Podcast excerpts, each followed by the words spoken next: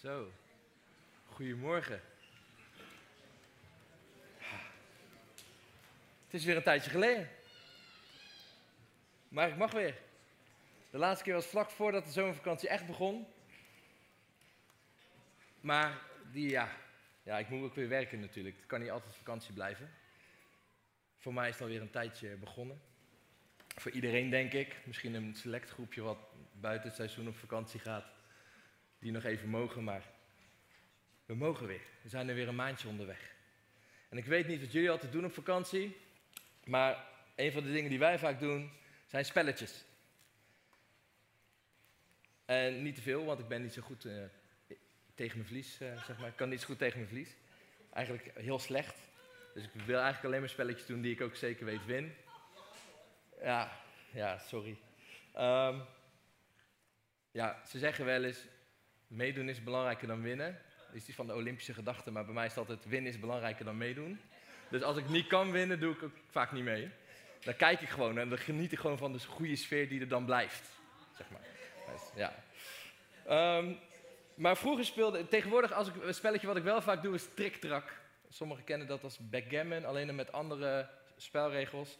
Maar vroeger speelde ik ook nog wel vaak wie ben ik of wie is het. Het is net hoe je het kent. Misschien ken je het wel. Even kijken, hij staat nog niet aan. Kijk, wie ben ik? Bam. Die, deze. Wie is het? Wie ben ik? Wie kent het? Ja, echt bijna iedereen wel, hè? Ja. ja.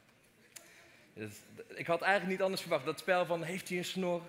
Hebt hij een hoed op? Draagt ze oorbellen? Dat. Dat vonden mijn broers en neven, die vonden het altijd heel leuk, omdat ik zomers altijd kaal was. Vanaf mijn zeventiende scheerde ik altijd mijn hoofd kaal. En dan vonden ze me altijd leuk om een beeld te noemen. Want daar leek ik dan op. Dus vandaar dat daar moest ik aan denken toen ik hiermee bezig was. Dus uh, ik ben blij dat ik weer een beetje haar heb. Maar wie is het leuk? En in mijn, mijn gedachten heette dat trouwens Wie ben ik? Maar toen ik hiermee bezig was, kwam ik erachter dat het Wie is het was. Maar dat doet er ook eigenlijk niet. Dat andere spel Wie ben ik, dat is een tijdje op tv geweest. Dat je dan iemand was die je zelf niet wist en dat je dan vraagt, nou boeien, doet er eigenlijk helemaal niet toe. Het gaat allemaal om identiteit. Allemaal spellen daarover. En de vakantie is wel voorbij, maar ik wil jullie vanmorgen meenemen op reis. Op reis met Jezus en zijn discipelen. En ze hebben net de, de tweede wonderbaarlijke spijziging gehad. Die hebben ze meegemaakt. En ze gaan weer verder op een reis. Een reis waar Jezus eigenlijk eenzelfde soort spelletje speelde met de discipelen. Althans, daar lijkt het op. Laten we lezen uit Marcus 8, vers 20, 22 tot 30. Ze kwamen in Bethsaida. Er werd een blinde man bij hem gebracht. En men smeekte hem om de man aan te raken. Hij pakte de blinde bij de hand en bracht hem buiten het dorp.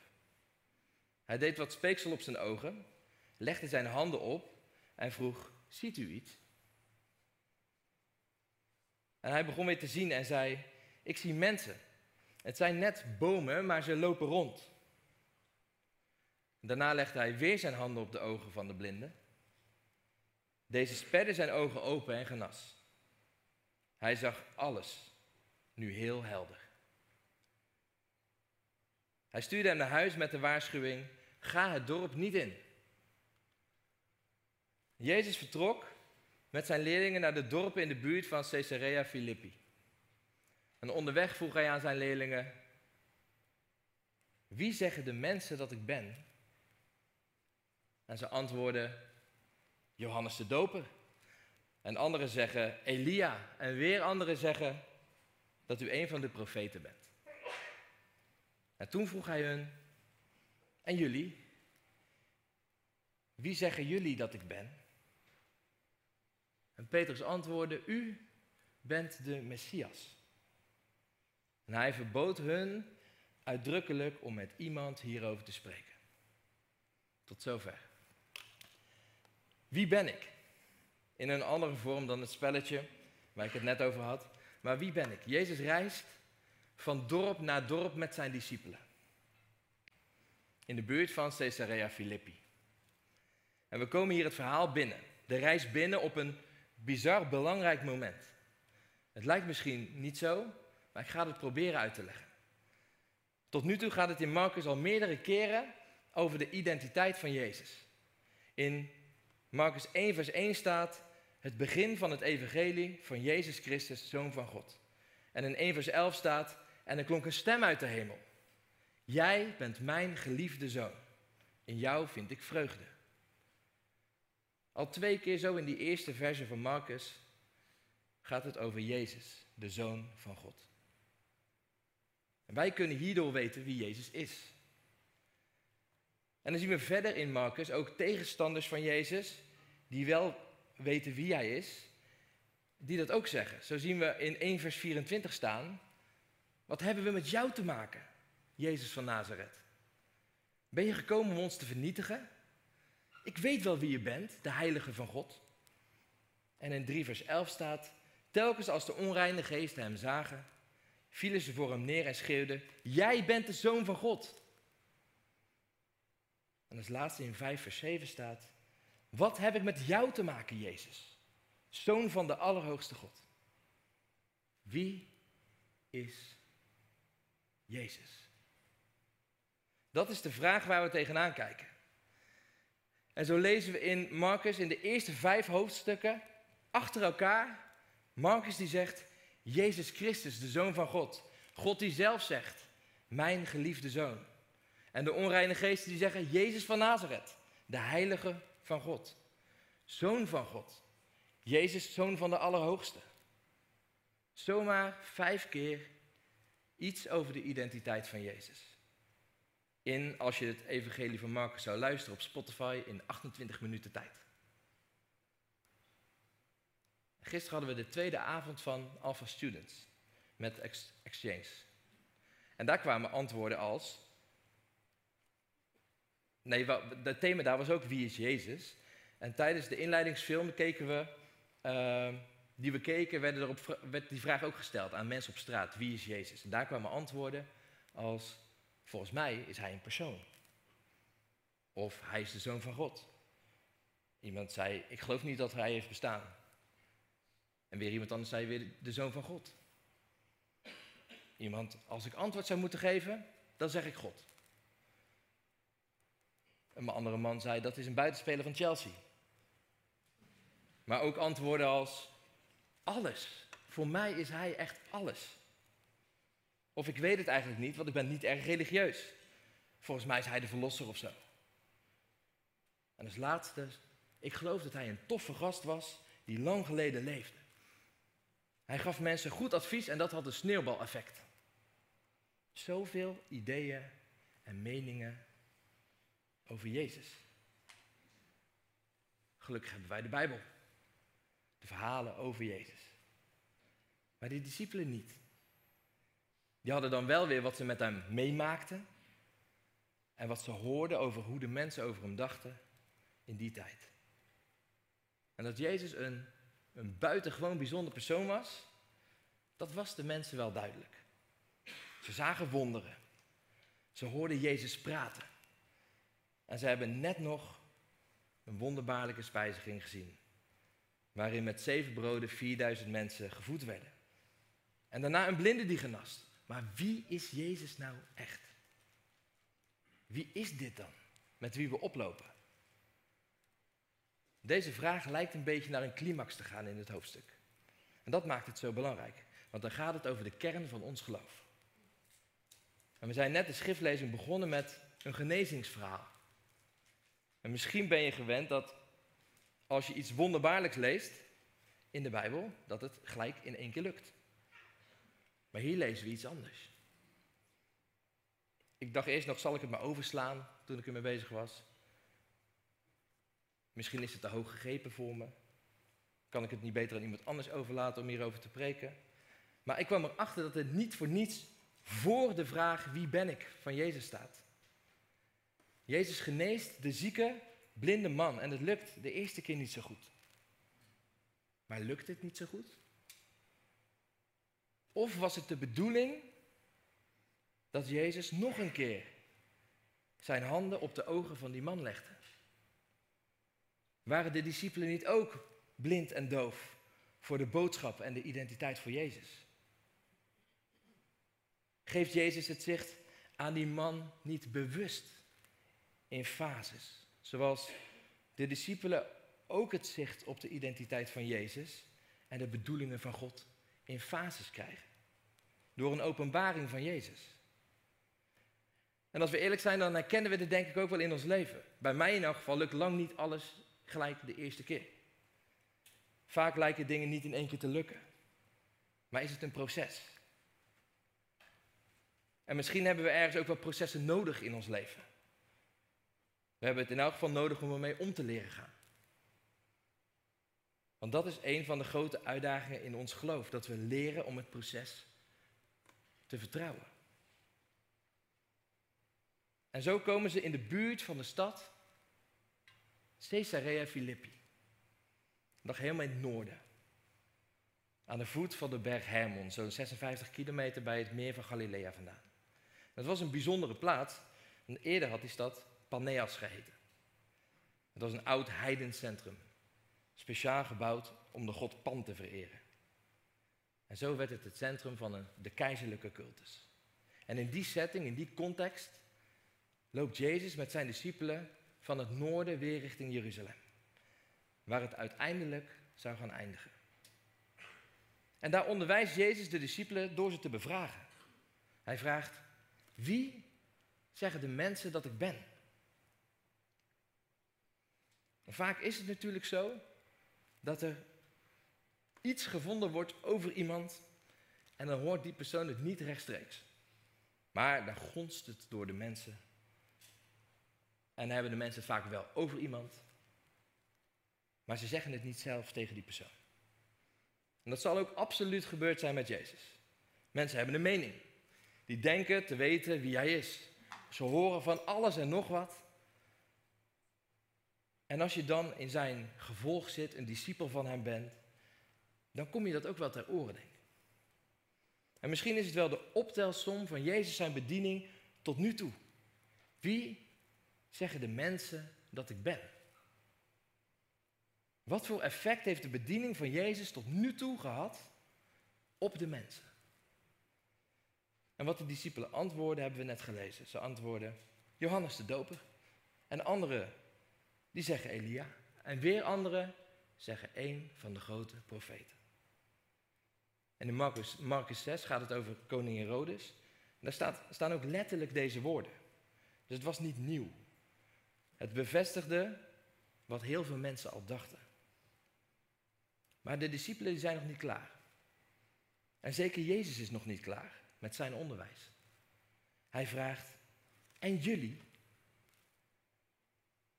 Wie zeggen jullie dat ik ben? En dit is het moment voor Petrus om zijn woordvoerdersrol op te pakken. Hij zegt, u bent de Messias. Maar wat vraagt Jezus hier nou eigenlijk? Hij vraagt niet, wie ben ik voor jullie? Maar het lijkt er veel meer op dat hij vraagt, wat vertel je anderen als ze vragen wie ik ben? Wat vertel je anderen over mij? En Peters antwoord is dus, ik vertel de mensen dat u de Messias bent. En soms hoor je dan nog toevoegingen van de Zoon van God of de Zoon van de levende God. Zo staat het namelijk in Matthäus. En in sommige vertalingen staat ook de Christus, maar dat betekent gewoon allemaal hetzelfde. Messias en Christus betekent allebei gezalfde. Het is wel bijzonder dat Petrus dit antwoord geeft op dit moment. Want een paar versen eerder, letterlijk het laatste vers voordat wij begonnen met de schriftlezing, zegt Jezus nog tegen de discipelen: Begrijpen jullie het dan nog niet? Als ze bang zijn dat er te weinig brood is, terwijl ze net een wonderbaarlijke spijzering hebben gezien. En wat het ook bijzonder maakt, is dat de discipelen op dit moment voor het eerst Jezus identificeren als Messias. Marcus heeft het tot nu toe het hele evangelie al over de Messias. Dat start al, zoals ik zei, in vers 1. Maar nu eindelijk lijken de discipelen het ook door te hebben. Hier is het keerpunt in het verhaal. Hier worden de blinde ogen van de discipelen geopend. En ze zien eindelijk hoe Jezus werkelijk is. Dat is het eerste deel van het proces waar ze in zitten. Wat mogen wij hier dan uit verwachten en wat mogen wij hier dan uit weten? Eén ding sowieso.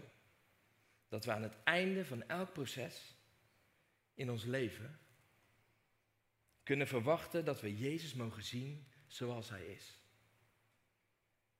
En wie Hij wil zijn in ons leven. Soms lossen we de problemen niet op. De uitdagingen, de zorgen, die blijven misschien hetzelfde. Maar we zien Hem zoals Hij is. En toch had Messias in die tijd niet direct de betekenis die wij eraan geven. In die tijd was het zo dat als je het had over de Messias, dat ze een militaire leider verwachten. Die de Romeinen wel zou gaan overwinnen. En het koninkrijk van David zou herstellen. Maar dat was natuurlijk niet het geval. Weten wij nu. Maar ze kwamen uit een bizarre tijd. Oorlog na oorlog, van overheersing naar overheersing. En in de tijd van de Romeinse overheersing speelde dit af. En Petrus die had vrijwel zeker toch die militaristische variant in zijn hoofd. Hij zag nog niet alles.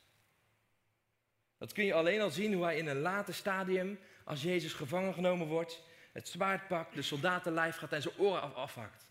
Viva Revolution! Nu gaat het beginnen. Maar Jezus corrigeert dat meteen door de oren te plakken waar ze horen. En dan, dan komt er een vers die ik niet kon plaatsen. Ik begreep het gewoon niet. Namelijk het laatste vers, waar staat: Hij verbood hun uitdrukkelijk met niemand hierover te spreken. Waarom? Was dit niet juist heel apart?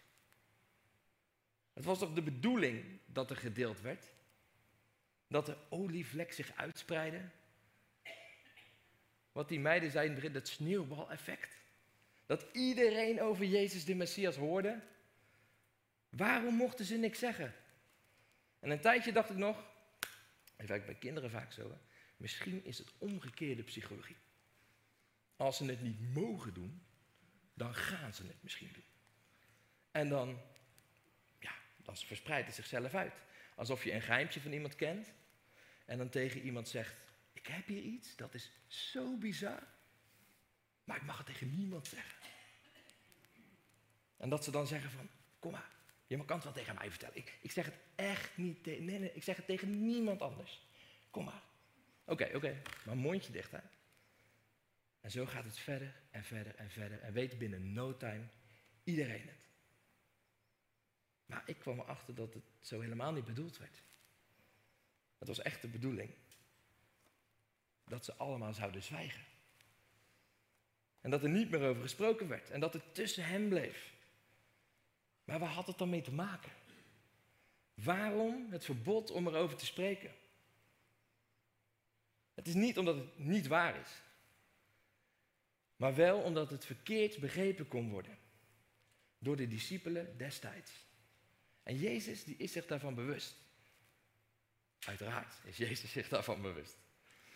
Als de discipelen het al verkeerd zouden begrijpen, hoe groot is dan de kans dat de anderen het ook verkeerd zouden begrijpen? Nog veel groter, denk ik. Jezus, zijn boodschap, zijn leven, zijn aanwezigheid, zijn zijn, zorgde voor verwachtingen. En stel dat iedereen hoorde dat hij de Messias was. Met de onvolledige informatie die ze tot dan toe begrepen. Zouden de gevolgen niet overzien zijn. Hij werd dan door een grote groep verkeerd begrepen. En ze zouden allemaal denken dat hij van plan was om de Romeinen te gaan verslaan. Om oorlog te gaan voeren. En dat kon grote groepen nationalistische en gewelddadige personen op de been brengen. En dat was nou net niet de bedoeling. Het is het messiaanse geheim van Marcus. Dat iedereen die het evangelie leest, stukje bij beetje begrijpt, met de kennis van nu, maar wat in die tijd nog geheim moest blijven. Tot ze er aan toe waren. Jezus als Messias is het fundament van ons christelijk geloof. Jezus is ook groter dan de zondag alleen. Jezus is de redder en de verlosser van vroeger en van nu. Jezus is de hoop. Jezus verbindt. Jezus is alles. En we mogen steeds meer en meer op Jezus gaan lijken. En oplopen met Jezus zoals de discipelen dat deden. Oplopen met Jezus is een reis in discipelschap. Maar wat betekent dit verhaal dan voor ons? We zagen al dat het leven vol processen zit. En in alle processen in je leven, de goede, de slechte, vol pijn, zorgen, vragen, zonder antwoorden die voor het grijpen liggen, is één ding heel belangrijk. Streef er vooral naar om Jezus te zien in je omstandigheden. Zoek Hem. En probeer Hem te vinden in je omstandigheden. En dat is misschien niet allemaal duidelijk.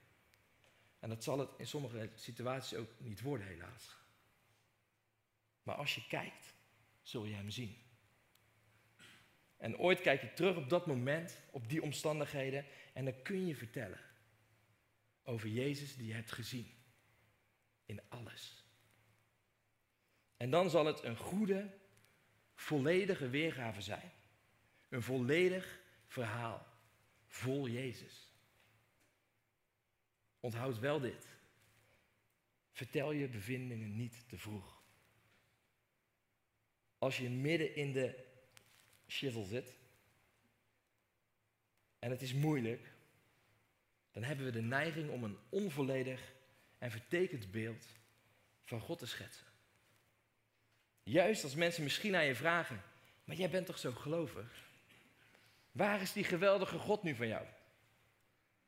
Als je je bevindingen te vroeg deelt en daarmee al invult dat de eindconclusie